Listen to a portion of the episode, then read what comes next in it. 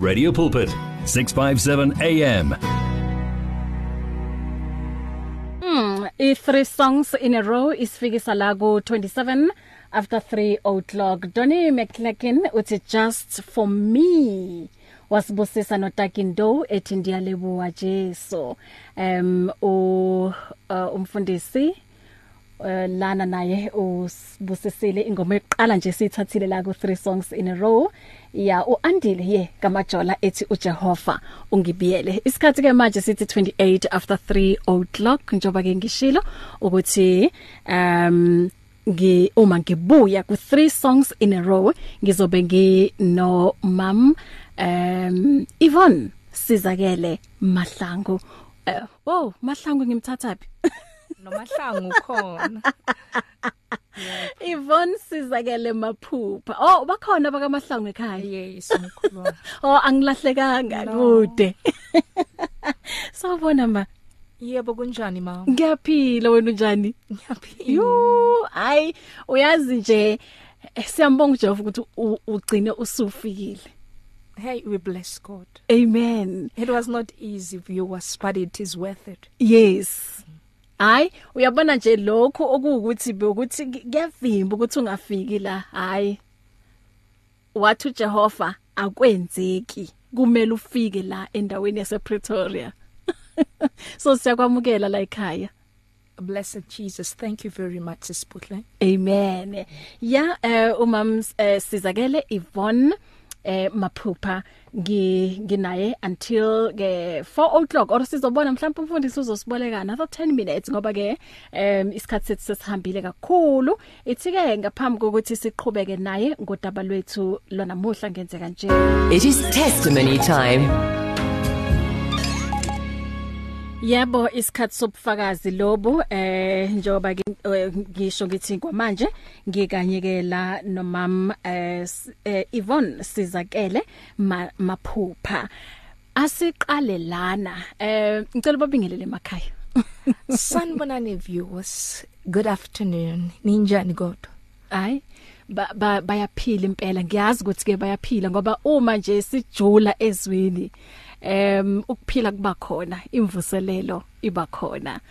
Um angicela nje ngaphambi kokuthi singene kabanzi odabeni lwakho usibekele nje isithombe sokuthi ungubani usizakele uza- uzalelwe kuphi? Viewers usisizakele la wazalelwe Soweto and then eh, a family whereby beba rich kakhulu. So they were not rich spiritually but financially. So ngikhulele Soweto nje ngazalelwe Soweto Oh, intombazana yaseSoweto. E- Ekukhuleni kwakho ke mm, ukhule njoba usho ukuthi ukhulele emndenini oku- okuwukuthi ube ucebile kakhulu. So wawuyingane enjani? Spoiled or uyabona nje? sisibuhle ngangi very spoiled Mm. i mean umama mangifuna into because um ngakhuliswa umama yedwa ubaba washona yabo ngimncane Mhm. kwayenzakalani umama mangifuna into ngithi manje wayengenzela manje Mm. so wayengazi ukuthi uyangimosha and then ngizokhula ngibe umama Mm. khona into eyenzakalayo ebazalini bamosha abantwana bangacabangi kusasa lapho Mm. so ngikhule ngithi njengoba kunamalahle mangifuna into ngiyayithola manje Mm. so i was living that kind of life ukuthi ma ngithi manje ngiyacela and mangifuna ngiyayithola Mm. so i grown up like that. Sure. And u- uyafunda kodwa? Uyaya esikolweni njengabanye njengabanye abantwana o uthi hayi asikho isidingo like us na everything. Was why? Why kumele ngiye esikoleni uyazi kwenzakalani sisibuhle. Bengifunda ema private school. Mhm. so ema private school kunento abathi banking yeah. Bengiye esikolweni ekseni ngiphuma njengomntana uya esikolweni. Kodwa ngangingayi esikolweni all the time. Mhlambe evikini bengiya ngayi3 i2 days ngizoyibhanga maybe monday na wednesday. Ngenzelana ngangingakhohliswa bangani ngangenza nami. Khona into eyenzakalayo uthi umoshwa bangani no ikusasa elami so bengenza lokho bengifunde private school so mangifunde private school angithi bengiyi cheese girl yeah so mangiyi cheese girl bengilabantu abathi yo hayi mina mangifuna into ngiyayithola why Yeah. yeah. school that mm. time ukuthi ngizoya esikolweni mm.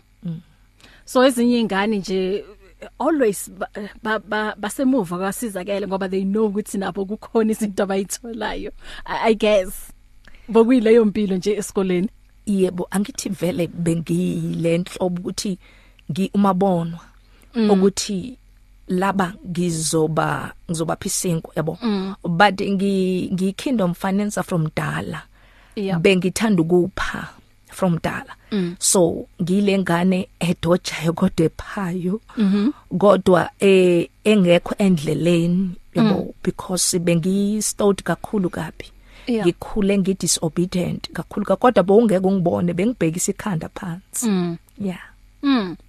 So fast forward um nangu ke u- u- usizakele u- uyintombazana uyakhula u- u- ungena ku eh ku- kule stage sobu teenager andlule stageini sobu teenager ungena manje lapha ya soba an adult um lapho ke ku- kuhamba kanjani ngempilo yakho uyintombazana e- eya uya groove ukwenzakalani ngawe kulama stage la esengwabalile yebo sisibuhle nginga groove kakhulu kabi. Mm.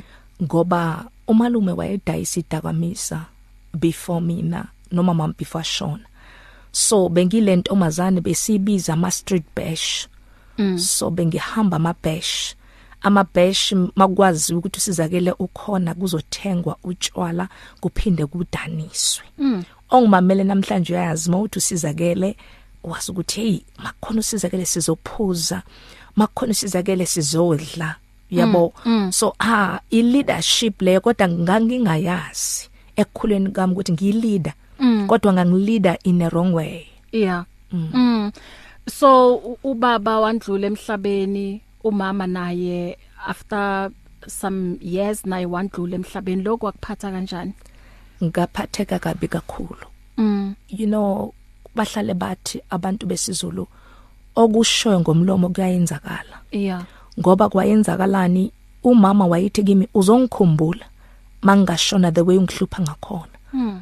so lawa mazwi akhanselekile namhlanje ngoba namhlanje ngiyazazi ukuthi ngubani Yeah.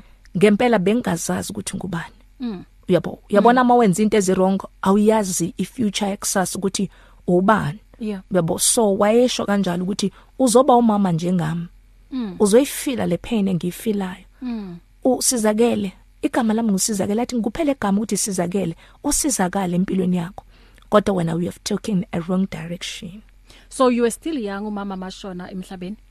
yes but not too much. I was 25 years. Oh. And then so kusho ukuthi eh, unama siblings? yes upromise Okay. So kusho ukuthi ithe mandlule emhlabeni nasala ke nina ningani ninodwa ekhaya. no upromise bekahlala noanti wakhe empumalanga Okay. so mina bengihlala la eSoweto Mhm. so kwenzakalani eh angithi it's it's a family house Mm. bekuyi courtyard kagogo lapho besihlala khona so um- umama kashona kwenzakala umalume uhlala endlini yakhe? So ngiyazi ukuthi umalume ude- udayisa idakwamizwa angithi ngithanda le life efast yemali. Umqondo wami wayejwayele imali. Umqondo wami wawuthi imali sonke isikhathi. Ngilele ngivuka ngoba ngangile ntombazane le echeckayo amalahle. Abantu bayazi bake bathengisa amalahle badayisa. So mina kwenzakalani abantu mabadayisile iheshu yemali beyiza kimi. Mm. so imali beyikhona. Umfana makangishela bekangangishelelela ukuthi uyangithanda bekangishelela ukuthi uyazi uzobenefitani Yeah. yeah Mm. So so uhlala nomalume manje umama mandlule emhlabeni yebo and impilo yabanjani yaba right? angithi mangizohlala nomalume ngiyajabula manje Mm. ah umqondo wami awunalento ukuthi wena sizakele uzoba umama nginalento ukuthi yo manje i will enter the mafian stuff yabo mm. leyo buclever ukuthi uclever umalumama yo ngiyongena kwenye level we mm. call levels ngenye indlela erong Mm. Mm. Mm. Mm, so umalume wangithatha ke ngahlala naye ke mangihlala naye ha- ha- wavele wang approach nje kahle ukuthi sizakele yazi oh ng- ngifuna ukuqala la mangizohlala naye angizange ngicele ngithatha ama drugs ngifly ngayenza local around. Mm. so angithi kwenzakalani? Bengijive endaweni lezi yabo bo sentini yabona?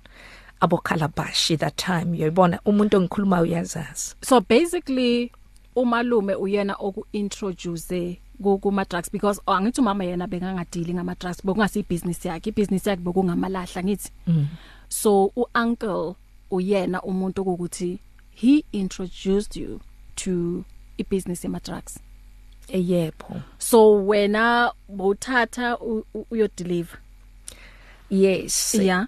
Eh or umalu or beyisebenza kanjani? Okay awungichazele wena ukuthi beyisebenza kanjani ibusiness leyo ibusiness beyisebenza kanje. Mm. ukhumbula ukuthi umaluma kawabali nalama drugs angithi wanikeza mina. Mm. so khona icontainer bewahl- beyihlala ku bewahlala ku. Uaware wena ngaleso sikhathi ukuthi he's dealing with ama drugs hey yazi sometimes the things can blind you. Mm. ungaboni ucamba ukuthi uyabona. Mm. ngi aware bengi aware ngifuna ucamba manga namhlanje abanye abantu bathi bengingazi mina bengazi. Mm. ngwathathe ngazi ngoba bekune storeroom sakhona sama drugs mm. where kube kwama drugs ukuthiwa la awuvuli yazi uvula mazothatha into enje kuba street. Yabo?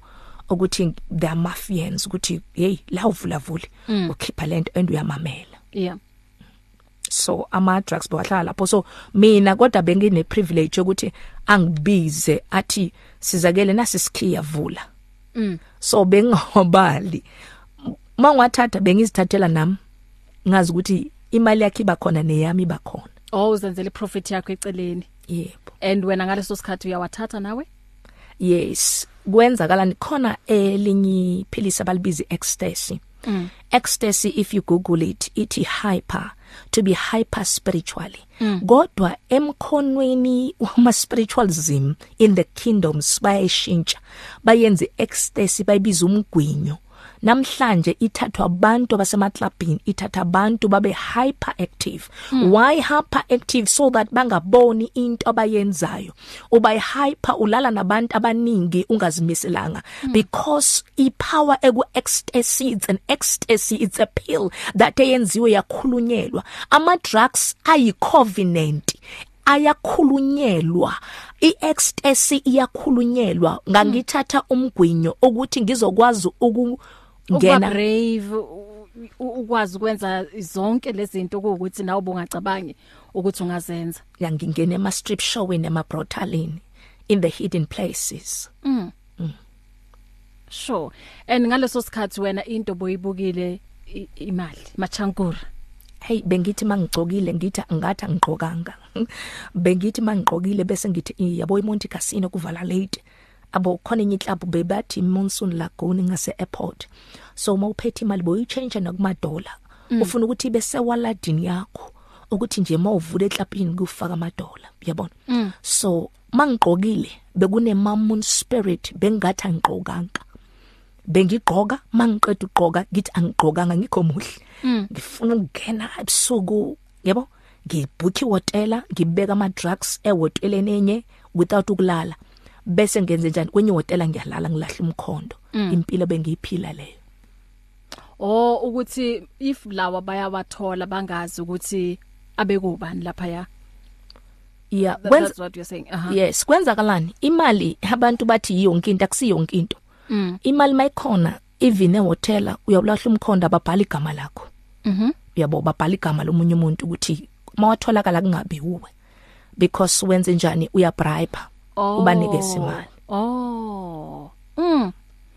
So lempilo i- i- i- i- iqhubeka kanje iminyaka emingaki uyenza lento until manje s- u- uzofike lapha ya kumele manje u- ufly angazi ukuthi kusesa ama levels nalapho yini. Lapho ukuthi manje sebakuthumela manje ukuthi u- uf- ufly abroad. Yeah angithi uyakhula. Mhm. ulobuletha imali iba iningi athi hayi man yes. Ha intombazane yami mangakubona nje uku Land Rover V8 white leather suit yabo? Yazi usathane makakhuluma ungathi uba ne authority unomsila athi "Hey, sengiyakubona yazini siza? Ngifuna u change umkhondo mntanami. Manje yabona uya graduate uyabona makakhuluma kuba ngathi vele Yeah. iqiniso. So ngifuna ukuthi u u change level ngifuna ukuthi uhambe eBrazil yo sisibuhle. Angizange ngibuze ukuthi ha eBrazil ngathi yo that's a good chance. And then angithi no George yakhumbula ukuthi hey ngiphuma yabo? Eh ngithi oh uh, uncle that's a good yo ngiyafuna. Ngavele ngavuma. Kwayenza ipassport kwayenzwa zonke izinto kwalunga. Eh, eh, qhubeka sichazele ukuthi kwenzakalani. Kwenzakalani ke Eh, i- in my mind bengasalali. In my mind beku like yo ngiyobona abo S- eh, abo labantu abaculayo abo MC Hammer uyayibona you know what i mean ukuthi ngiyobona bona abo MC Hammer and then ngizo yabo ngizo communicate nabo maybe bazongibona angithi usathana wenze njani udlala ngemiqondo yethu akubonisa enye into ngathi right so ngavuma nangempela yezi passport umalume saxoxa ey yazi wangisa eocean basket in my court. Elonini eisgate we sat with the Zambian guy. Kuba ngitshela ukuthi eh sizakele kubhadaliwe phambili masohamba mntana mangeke uboshwe sikhiphile imali you are going to be a millionaire. Ngokungcola sizakele you are going to be a star. Umuhle uzoba muhle nasepocketeni. And ukhumbula ukuthi ngiapproach abantwana babantu that time. Ukhumbula ukuthi abantu abathatha idakamiswa mabanga thathanga ama drugs bengihamba nabo mahosha ama apostola kusasa. Bengihamba nabantu abastriphayo ama pastor kusasa. Bengikwenza lokho kungcola without knowing what I'm doing. Yeah so lafika ilanga lokuthi uhambe eBrazil and then what happened? Lafika wangikhapha nokungikhapha. Makaceda mase airport do you know that God speaks but we don't listen? Mm. God speaks in silence but we don't listen. Mm. mangifika bathi uyenzani eBrazil angithi ngibanjiswe imalinyana yokuthi ngiyenze something ukuthi ngathi you stalker bathi uyenzani ngikhipha imali ngithi no ngibhalise nemali la ngiyostoka. Yazi angibuze futhi lo muntu wase SAA athi uyoyenzana eBrazil? Ungibuze kayi2 mm. ngathi ngiyostoka. Angibuze futhi 3 Father the Son and the Holy Spirit ngiyostoka. Athi ayithi ngiyeke angirelieve ngingene. Umalume ajike ngihambe. Nangempela ngihamba ngaye eBrazil ngalenda. Kwenzakalani? Mawuhamba ema tripini kwenzakalani? Bebangiphe ama direction ukuthi mawufika lapho uyohlangana nomuntu bakunikeza igama leairport bakunikeza ama number lo muntu. Khumbula isibinde singaka engisithathile isinqumo singaka engasithatha ukuthi ngiyintombazana ngizoya in the country i don't know anybody. I never knew that time to even speak iportuguese sithatha inqumo ezi yazi otherwise sometimes singacedanga singabhekanga. Ngafika eBrazil. Ngayenze njani eBrazil? Ngabhooki ihotel elirongo mm. engqondweni yami inumber icode yase South Africa iphumile. Yazi uNkulunkulu sakhuluma that time ukuthi iyekela lento yenzayo buyele ekhaya but bengistubborn akuphi ama drugs ngalesikhathi asebhegini or akuwe? Angakawatholi bengiyowalanda eBrazil. Oh uyowalanda awu awu awuyowa deliver okay.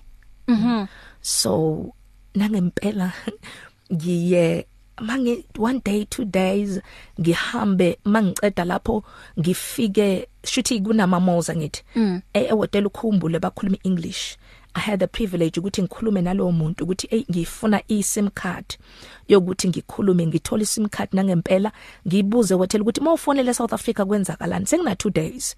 Sengikhona ukuthi ngicommunicate nomalume.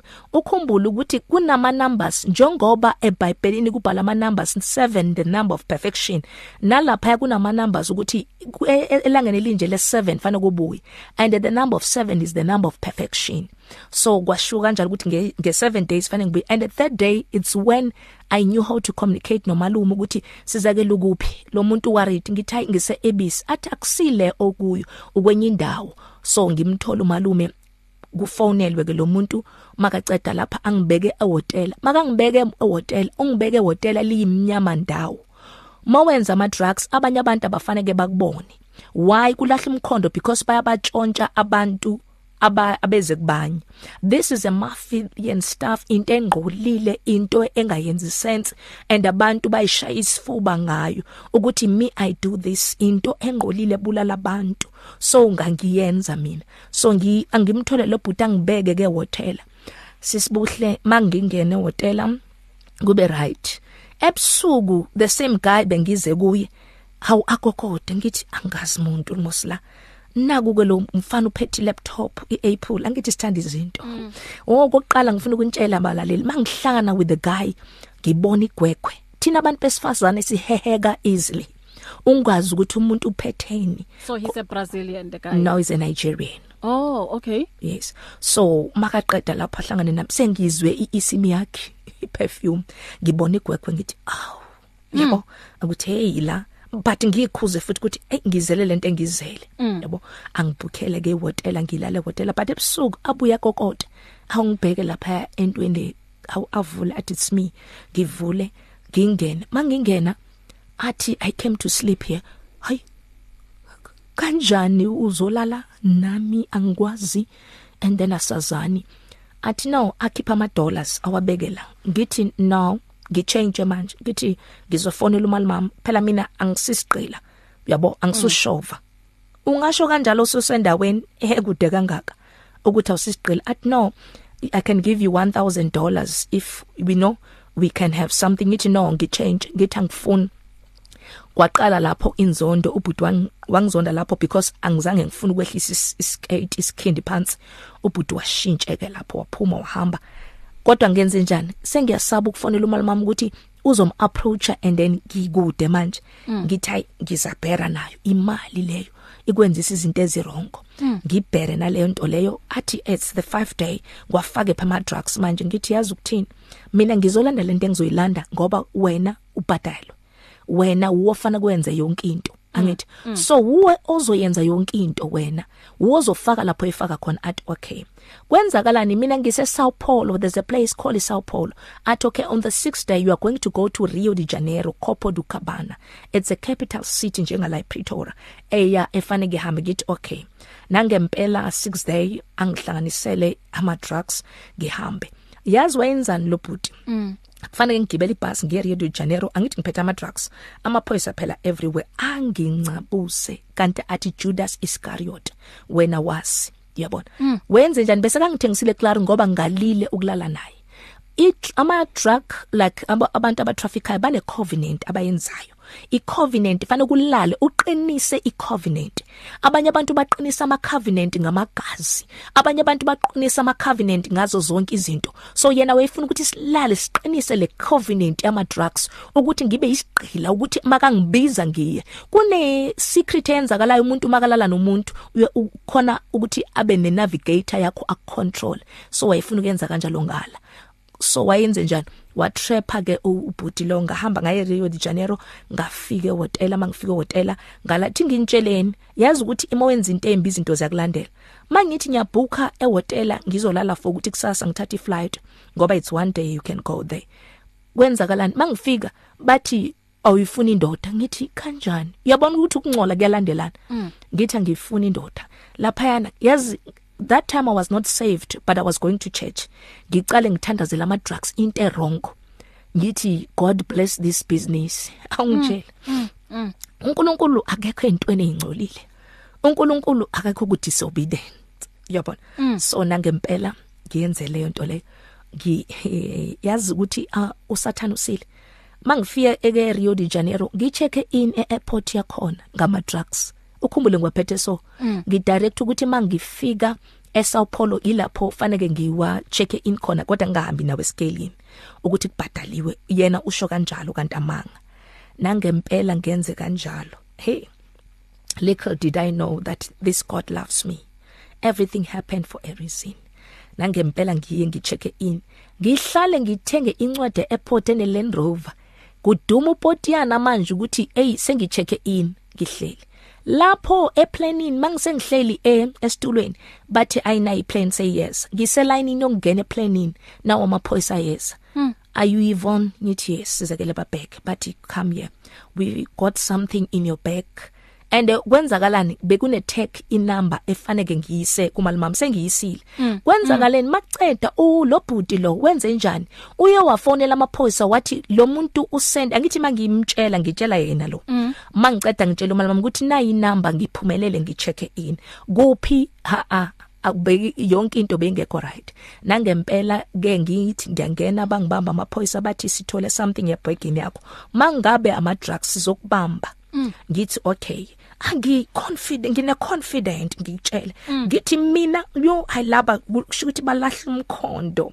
You, you understand me ukuthi ah kulahla umkhondo. Nangempela ngihambe ngifike lapho. Mangithi ba teste bathola ukuthi ama drugs 3, 3 point something kg but this is real cocaine. Uyabanjwa. Mm.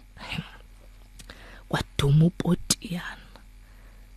Kwaphela ubutlefa kwaphela ukuhlakanipha.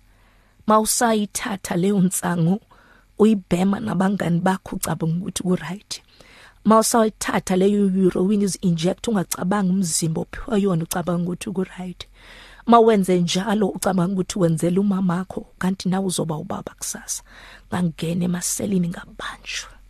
Mm. Ngabanjwa mangibanjwa bangisa epolice station. Kanti uVictor phakathi lapho ufake impahla eziyele and white ibrook neskipa kusho ukuthi hayi nasi mangilobe ngiqoqa ebhegini yami lapha ngithi hawo bengabhekanga khona izinto zasejele ngithi hawo kanjani?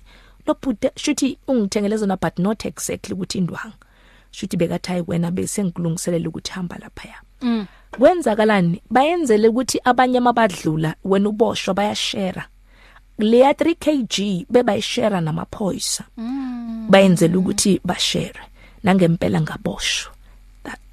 Kwaphela yonke ukuhlakanipha. So kuba ukuthi yena nalomuntu obenze naye ideal um umuntu lo ngikhuluma ngaye your uncle kube ukuthi hayi uboshiwe neshandisi ihambile vela kanjalo. Angeke asathola and then bona bawinile ngala. Yes sikunjalo so i plan yabo leyo and on top of that wena ngoba awufunanga ukwenza into ekade afuna ukuthi uyenze. And then wathi hayi lo ngizombonisa.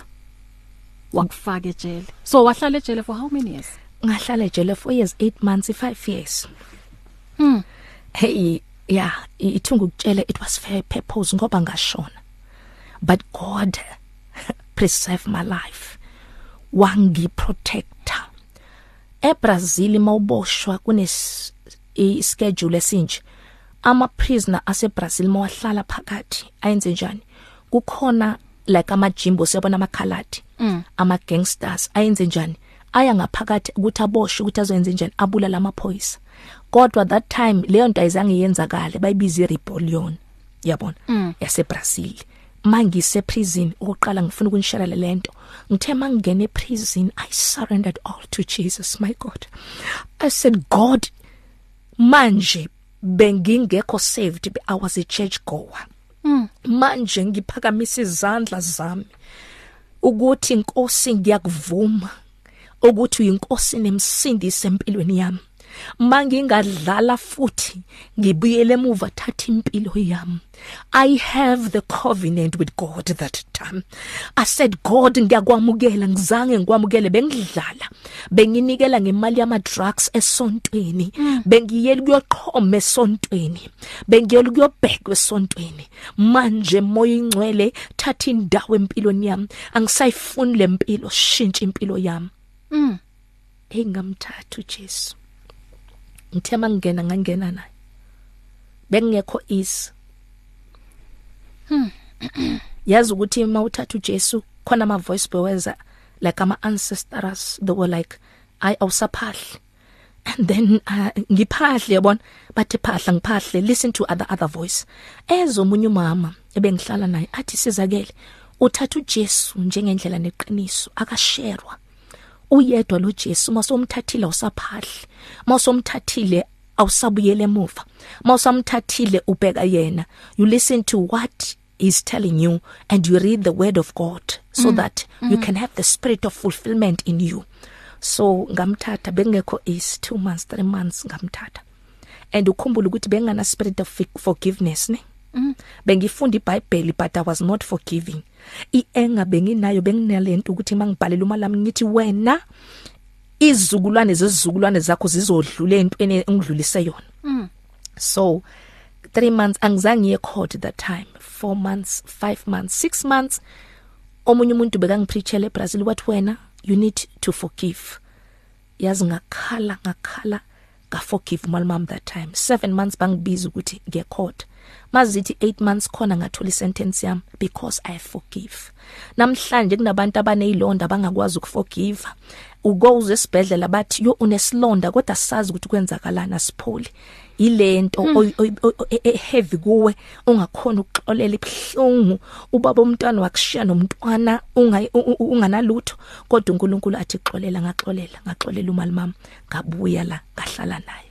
Wahlala naye futhi mobuya la eNingizimu Afrika? Yes. Wow. Iforgiveness yangempela leyo. Sure sesizakele we thank God ukuthi naku namuhla asila a- azange silahlekelwe wena endaweni ekude. Namuhla nangu sisizakele sihlangane naye and wathola i second chance.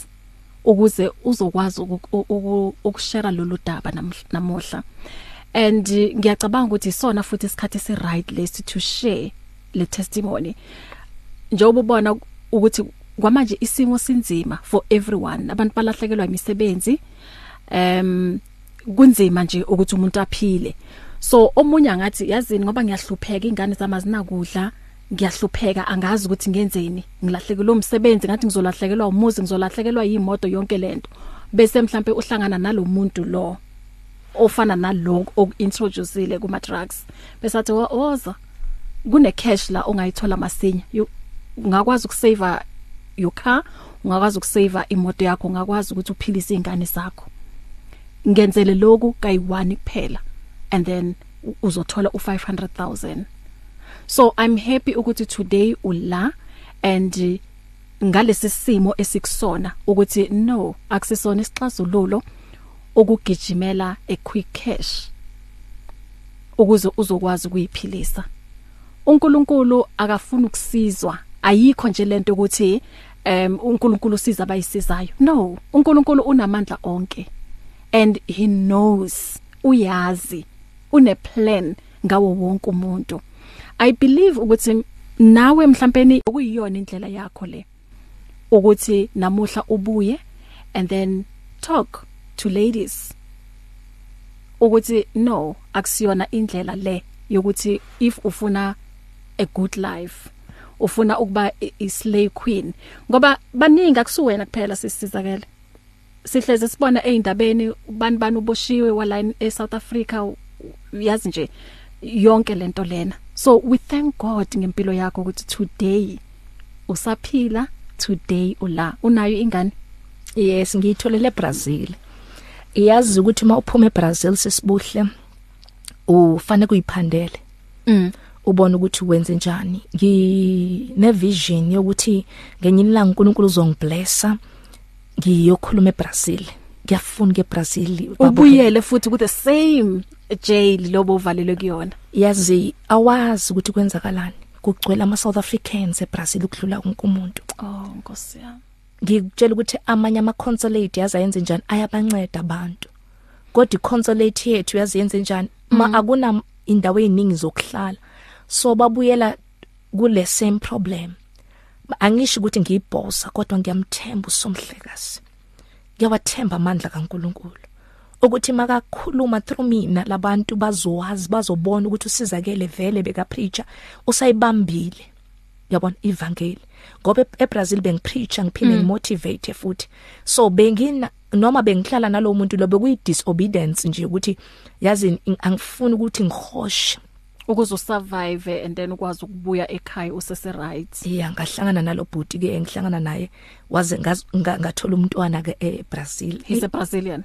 I- I- no i- Nigerian. Oh okay. Ngikutshela ukuthi so bagcwele vele? Ah, yeah. Ngale. and then ngikutshela ukuthi smooth operator we oh a spirit of deceiving. Hayi ngiyakutshela we oh uphuma ejele ungena kwelinye ijele. Umuntu uzokutshela ukuthi uzokushada.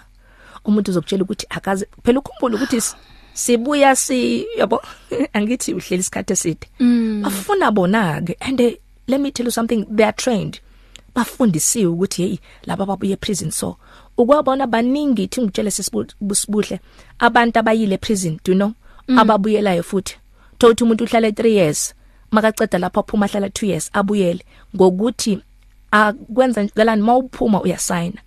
And awunandawo yokuhlala. Mm. so kwamele uthole besibiza babiza bobefo so kwamele uthole ubefo loyo uhlale naye akudlise ugeze izinto phela zi expensive and makayenza kanjalo uthi ngitshela ukwenzakalani? Mawuthulisa lo mntwana akakuthelisa umntwana ukuthi uyakuthanda. Ukutholisa umntwana ukuthi ufuna amaphepha mm. ase Brazil mm. so ukufuna amaphepha ase Brazil angithi aworth it anesisindo so maka kumithisa akakuthandi ngicela ukukutshela.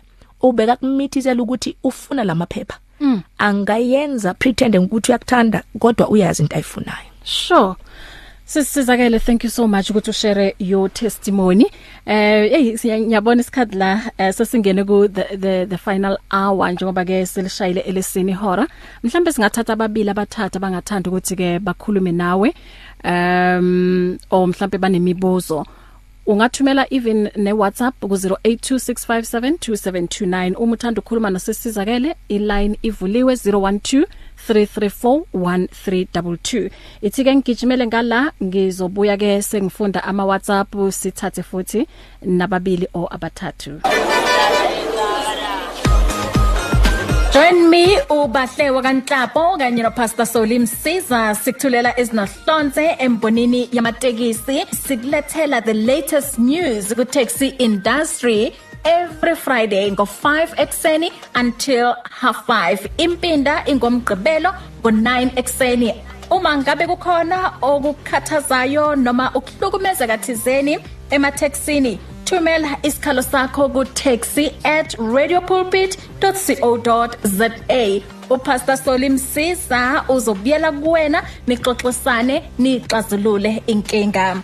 As a taxi community let's join hands and work together.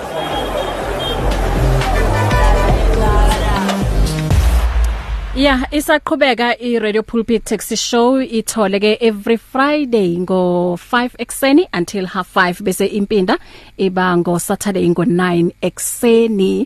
Ngino sis Yvonne sizakele maphupha ebeshare ke itestimony yakhe lana ukuthi wasurvive kanjani eBrazil emveni kokuthi aboshwe ngenxa ke ye um i drug uh, trafficking yeah, yeah. trafficking yes 0123341322 kukhona othanda ukuxoxa ukukhuluma naye noma ke unombuzo um ngizokunikeza nje um u2 minutes ngoba ngitsho nje isikhathi sakamfundisi Mabhena ngala 0123341322 sawubona Dumelo semoyeni? Uh okay uhamba. Alright uzobuya futhi 0123341322 Okay nansi ke i WhatsApp lana uh okay singibuyele masinya la ku line sawubona Dumela Sawubona? Yebo ma? Yasithumela ngale sakhuluma umama ngiyathuthumela ngisapha sisibahlangazi nje ngethele mara ngalendlela okukhulunywa ngakhona ngiyasaba. Ngicela ukuthi uNkulunkulu amqinise abambelele aqinisele kuNkulunkulu athi for whatever ekwathi ngekwa. Amen umamkhulu Sure. Thank you so much mama. Yo ne line yakhe kodwa ke simzwile ne? Ya ya umama uyasho la uthi uzwa esaba. Njengoba ushare your experience ungaphakathi ejele. Sihleze sizo sisizakele ukuthi eBrazil ziyabuya. Uyazi ku worse than amajele ala eNingizimu Afrika. Um sawubona Dumelo semoyeni. Eh menhlapolo kae? Re teng moruti wena okay ke te ne utse ile something like this drugs this spiritual. Mm. i wanted to ngare ne ka reng ka bua fela nyana to understand what does actually mean ha bua jwalo. Ha bua ka? E ka utse something like ecstasy or something it's like spiritual or or something like that. Oh ha utsuba drug e ya ecstasy? Eh all right ke ke tla mo fa few seconds or maybe a a boeletse hape a ihlalose thank you Muriti bless you. Uh, Um greetings made servant of God. We bless God for the powerful testimony. It serves as a wake up call that shows that nothing is impossible with God. Yebo umfundisi la uthi ukhulume something ukuthi um uh, about ecstasy. Yes. Ukuthi uma uyibhema ngathi angazi ngathi komunye umhlaba. Yes. Yeah in in few seconds ngayichaza futhi ukuthi bowuthini ngale ngale okay before uyichaza ithi oh okay bengithi ngithatha iline. Okay. yes. The meaning of ecstasy can we google it? Izokutshengisa is to be hyper spiritually is to know heavenly perspective things is to be your eyes to be open. Mm. but now these people they even read the bible they even google such names bayiphele into le ukuthi abantu babe hyper ukuthi bayenza into ezi wrong ama vice versa moluthi mm. is what i was trying to say Mm. Okay. Eh u- uthi la umlaleli hi uthi yo it's it's it's tough ausbahle I hope kuzoba isifundo nakwabanye. And eh, njoba bengisho ngithi mina ngiyabonga ukuthi ubuyile and ukubuya kwakho uzobafundisa laba ubatshela ukuthi hey bafowethu lento le inzima kangakanani? Umfundisi uQhomotso Mudisele eh uthi la uthi yane things are happening. Yo what a powerful testimony. Sisizakele umyalezo wakho ogcina mhlawumbe ongathanda ukunikeza wonke nje umuntu olalele kwamanje. Ungathini kubona? Ngoba a- ayenziwa kuphela abantu besimame lento even n- n- no n- eh, nabantu besilisa bayakwenza. Ungathini kubona? Ngiyacela ukunixabisa ukuthi be content on what you have. Into nayo kwamanje or what you are going through for now is for now. The delay is not denied. Ithi ngukutshele ama drugs ayamosha noma uthi awamoshi nensango mawungayigugula ukuthi yenzani? Abanye bathi pholisa isifuba amanga.